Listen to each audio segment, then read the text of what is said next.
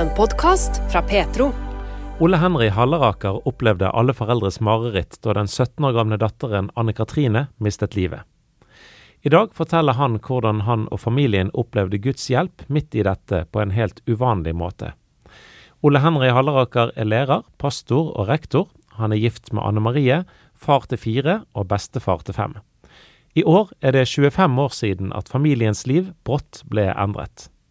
Ja, det var i påsken 98. Eh, vi hadde en datter som het Anne Katrine. Eh, hun var 17 år gammel. Eh, og hun skulle på besøk til sin bror, som var student i nærheten av San Antonio i Texas i USA. Så hun reiste på egen hånd bort for å besøke han. Og mens de var i Houston en kveld, så var det en en ung mann som gikk berserk med en bil. Eh, han eh, lånte en bil uten A-sertifikat og kjørte inn i bilen til eh, sønnen vår i en fart på 80 km i timen. Og drepte datteren vår. Går det an å komme over noe sånt? Det spørs hva du mener med å komme over. Takle. Takle? Ja, jeg, sorg er en veldig vanskelig ting.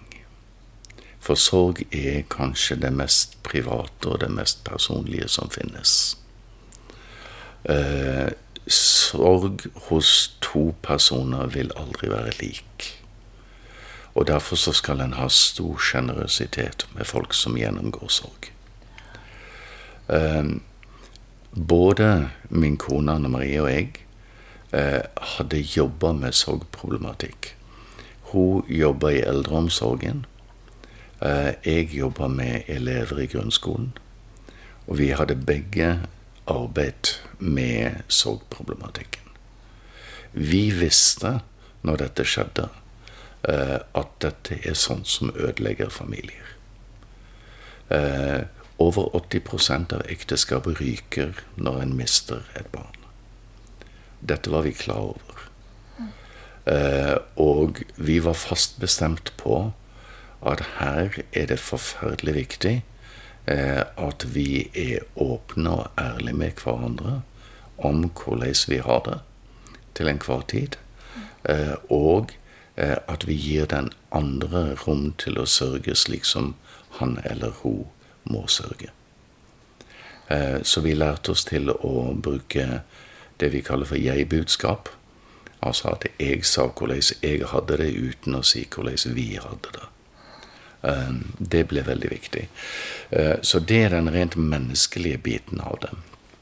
Men det som er den store biten av det, det var at vi opplevde Guds nærhet og Guds fred så helt konkret i den situasjonen.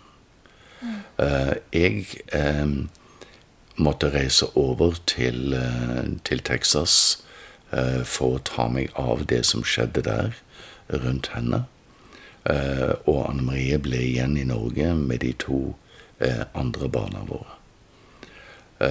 og vi opplevde at Gud var så nær at han tok smerten. Uh, og det står i Bibelen en gang at i all deres smerte var det ingen smerte. I all deres nød var det ingen nød. Og det er i grunnen sånn vi hadde det. Vi opplevde at Gud tok Anne Katrine til seg. og vi hadde gitt barna våre til Herren. Uh, mange år før. Uh, og vi opplevde, jeg opplevde, uh, at Herren spurte meg har vi fremdeles en avtale. Uh, og jeg sa til han ja, vi har en avtale, og jeg skal lovprise deg uansett hva som skjer. og det å levere henne over i Guds hender og si hun er din Hun sjøl hadde en levende tro. en av venninnene hennes sa til henne det at nå må du ikke komme borti noe forferdelig noe når du reiser bort dit. da. Og til det hadde hun svart at vel, hvis det skjer noe forferdelig, så vet du hvor jeg går. Eh, så hun hadde en levende og en klar tro. Eh, og eh, vi overleverte henne til Herren. Vi fikk henne fra Herren, vi overleverte henne til Herren. Og det løste oss ut av fortvilelsen. Eh, så vi opplevde at Gud tok fra oss smerten. Og det var så markant eh, at eh, kommunen der kona mi arbeidet, etter hvert begynte å bli bekymra, for de mente at Anne Marie ikke sørgde slik en kunne forvente. De oppfatta at hun var i sjokk, og dette varte i måneder. Eh, så de ville De tilbød krisebehandling. Eh, fordi at eh, hun lo og smilte og prata med folk og hadde overskudd, og eh, livet gikk videre. Og dette oppfatta de som helt urimelig. Eh, og det var rett og slett fordi vi levde slik. Gud tok fra oss smerten. Eh, og eh, hun er hos Herren, og alt er vel. Det er ganske utrolig. Det er ganske utrolig. For en stor Gud vi har. Ja. Men følelsene, menneskelige følelsene, var ikke de der? Eh, følelsene våre, iallfall slik jeg tenker i en sorgsituasjon, de går ifra alt ifra savn til fortvilelse Eh, til eh, sinne. Eh, kanskje mer hos menn enn hos kvinner, men, men de har hele den pakken. følelse av å være forlatt. følelse av å bli frarøvet noe. Det, er et helt spekter av følelser som, som, foreldre går gjennom når de mister en av barna sine. Um, vi savnet henne. Men det gikk veldig fort over i takknemlighet over de 17 årene vi hadde fått ha henne. Det var aldri fortvilelse. Det var aldri en følelse å bli frarøvet noe. Det var aldri sinne.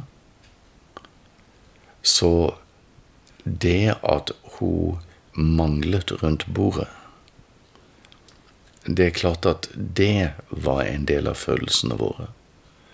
Eh, men eh, gleden over henne eh, og det å bli hengende fast i sorgen, det å bli hengende fast i minnene, det tok Herren vekk. Og jeg husker en del år seinere jeg så en film Eh, og det var om et foreldrepar som hadde mista et barn, eh, og som ikke orket å gå til graven, for det var så smertefullt. Og hele filmen handlet om prosessen der fram til de kunne stå på graven og på en måte begynne å ta farvel. Og jeg husker at jeg tenkte Det var veldig godt lagd. Så jeg, jeg husker at jeg, jeg, tenkte Hvordan i all verden skal noen kunne komme over noe slikt? tenkte jeg. Og neste tanke var hei, vent litt, du har jo vært der. Ja. Og da kan du si at da er ting gjennomarbeidet. Mm. Uh, og hele familien vår er nok der at de vil si at dette er greit. Uh, dette er Dette er gode minner. Dette er ikke smerte. Mm. Til og med på dødsleiet fikk dere synge lovsanger. Ja, det var jo Det er jo et valg, ikke sant? Men eh, min opplevelse når jeg reiste over eh, av Guds nærhet og Guds velvilje og denne samtalen som jeg ofte har med Herren, eh, den, den var en så viktig del av reisen at når jeg kom fram, eh, så hadde jeg underveis, når jeg kom til New York, eh, så fikk jeg vite at hun var død. Jeg visste ikke det når jeg reiste fra Bergen. Da var det fremdeles et slags håp. Så når jeg da kom til Houston, uh, så visste jeg at det var slutt. Uh, men tilbedelsen var fremdeles der. Og det var ikke en sånn tilbedelse av trass, fordi at det var en takknemlighet over Guds ufattelige godhet. Og hans storhet og hans, hans herlighet. Og derfor så ble vår eldste sønn som studerte der borte, og jeg, vi sto på hver sin side av senga hennes mens hun døde. Altså når de koblet fra maskinene. Um, og den eneste sangen som kunne komme opp i mitt sinn da, var eh, 'Du er en god Gud'. Eh, så den sto vi og sang mens hun forsvant for oss. Og det eneste bildet mitt En har jo ofte indre bilder når det er at en, en er oppe i spesielle situasjoner. Og det eneste indre bildet jeg kunne se, eller som kom opp i mitt hode, det var at nå fører jeg henne til hennes brudgom. Det er helt utrolig hva du kunne blitt bitter, du kunne blitt sint på Gud. Hvorfor? Men det holdt, det som du hadde stolt på løftene. Det holdt. Det holder. Det holder alltid. Også gjennom dødsskyggens dal.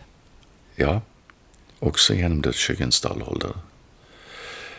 Nå er nok mitt gudsbilde slik at jeg, eh, jeg oppfatter at Bibelen presenterer en hellig Gud jeg oppfatter at Bibelen presenterer en Gud som har all makt i himmel og på jord, og som har rett til å gjøre det han bestemmer. Og det han bestemmer, er rett. I, mitt, i min verden er det ikke plass for sinne mot Gud. Eh, for meg så blir det en helt umulig tanke. Uh, Gud er Gud, og jeg er ikke Gud. Og det betyr ikke at Gud, at jeg da sitter med et strengt gudsbilde. For tvert imot så sitter jeg med et bilde av en Gud som er ufattelig god. Og jeg opplever at vi er privilegert langt utover rimelighetens grenser um, med den måten Gud har behandlet oss på. Men å reise knyttneven mot Gud, ville bety at jeg bestemmer over Gud. Og da tenker jeg at jeg befinner meg i en farlig situasjon. Så det gjør jeg ikke.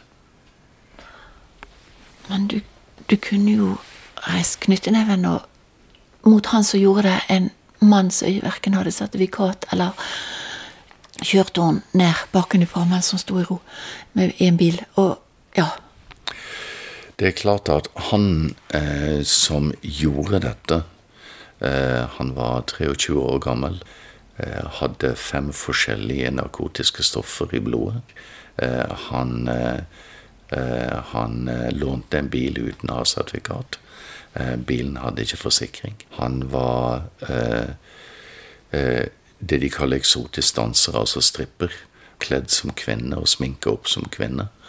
Eh, han yter seksuelle tjenester. Jeg mener, alt var jo helt absurd. Ikke sant? Og han gikk berserk med denne bilen. Han var ikke borti bremsen uh, og kjørte inn i bilen til uh, sønnen vår i en fart på 80 km i timen. Um, fordi han rett og slett ikke skjønte hva det var han holdt på med. Når politiet tok han i etterkant, så hevda han at han var gravid i andre måned. Um, det, det var en stakkars mann. Ja. Um, Sjølsagt kunne vi ha blitt sint på han. Eh, og vi kunne kanalisert et raseri den veien. Eh, vi gjorde ikke det. Han ble jo fengsla, eh, og han eh, tok kontakt med advokaten vår. For det var jo et rettsoppgjør etter dette. han tok kontakt med advokaten vår og ba advokaten vår spørre oss om vi kunne tilgi han. Eh, og advokaten vår var veldig forlegen når han spurte oss. Eh, fordi han sa dette går jo ikke an, men jeg er jo bare nødt til å si det han sa. Så han spurte oss om det var mulig å tilgi. Og vi sa at det selvsagt vil vi tilgi. Helt og fullt. Eh, så hils han og si det. Og vår tanke er at skulle han av en eller annen vanvittig grunn dukke opp i Bergen, så vil han også være velkommen i vårt hjem. Dette er en del av den tilgivelse Gud har møtt oss med. Den som han har møtt meg med. Ehm, den gir også jeg videre. Fordi når noen ber om tilgivelse, eh, så gir vi tilgivelse på samme vis som når vi ber Gud om tilgivelse, så gir han tilgivelse. Eh, og derfor så handler ikke dette om at vi er sjenerøse mennesker. Dette handler om at den som tilber Gud, eh, ser noe av Guds natur, og vil gjerne at den naturen skal også prege relasjonen til andre mennesker. Har du noen spesielle bibelvers som hjalp veldig, både i den tiden og i det hele tatt?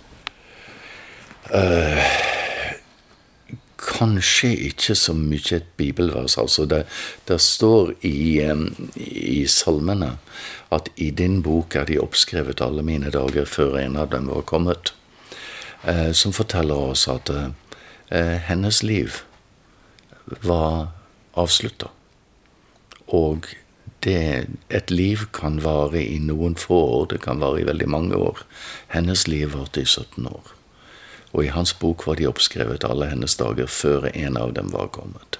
Mm. Så det, det, var absolutt noe å holde fast på. Um, Ole Henry, det var jo kolossalt masse forbønn for Ann Katrine når dette skjedde. Det var rystet jo hele ungdomsmiljøer. Det var jo overalt de ba for henne. Og dere. Ja, det er helt riktig. Eh, når beskjeden kom Den kom jo på påskedagsmorgen. Eh, når beskjeden kom, eh, så orienterte jo vi eh, vår menighet. vi skulle jo til gudstjeneste. så menigheten menighetens ledelse fikk om, vite om det. Dermed ble menigheten i Kristkirken orientert, og så spredde det seg som ild i tørt gress. Hun var elev på Danielsen videregående. Eh, så dermed så spredde det seg til eh, ungdomsmiljøer rundt omkring i hele bergensområdet. Eh, og det var, som du sier, veldig, veldig mye mennesker som var. De ba for henne, de ba for familien, og de bønnene de bar oss. Uh, og det var ikke bare i Norge de bar, for dette spredde seg utover hele landet. Uh, men også i Sverige, også i USA, Eh, så det var folk over eh, store deler av den vestlige verden som var involvert i, i bønn for oss. Og det er vi jo enormt takknemlige for, og vi opplever vel kanskje at um, det også er en del av grunnen til at dette gikk så bra som det gjorde. Datteren din, ja. hun lever jo videre i dere på en måte her på jorden, og at dere rent praktisk gjør litt ting? Ja. Altså, det er klart minnene om Anne Katrine har vi. Eh, det, vi, vi, kom jo til et punkt ikke sant, da vi oppdaget at det plutselig var det gått en hel dag uten at vi hadde tenkt på henne. Eh, og vi hadde jo den biten som alle som mister noen da har, nemlig 'skal jeg nå ha dårlig samvittighet'? Eh, og fant ut det at nei, det skal vi jo selvsagt ikke. Eh, fordi at eh, hun er reist hjem.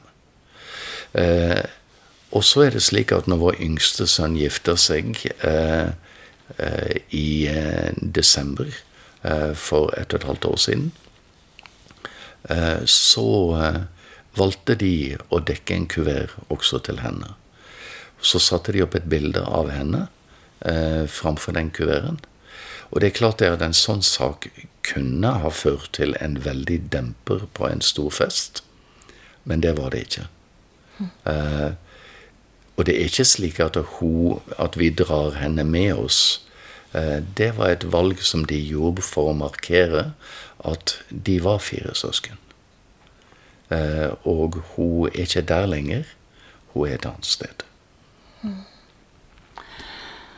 Er det noen ting du har lyst til å si til folk som hører på oss nå, som er i dyp sorg? Det vil si til folk som er i sorg, og det trenger ikke være en så dramatisk dødsfall som det er eh, Sorg er likevel sorg, og tap er likevel tap.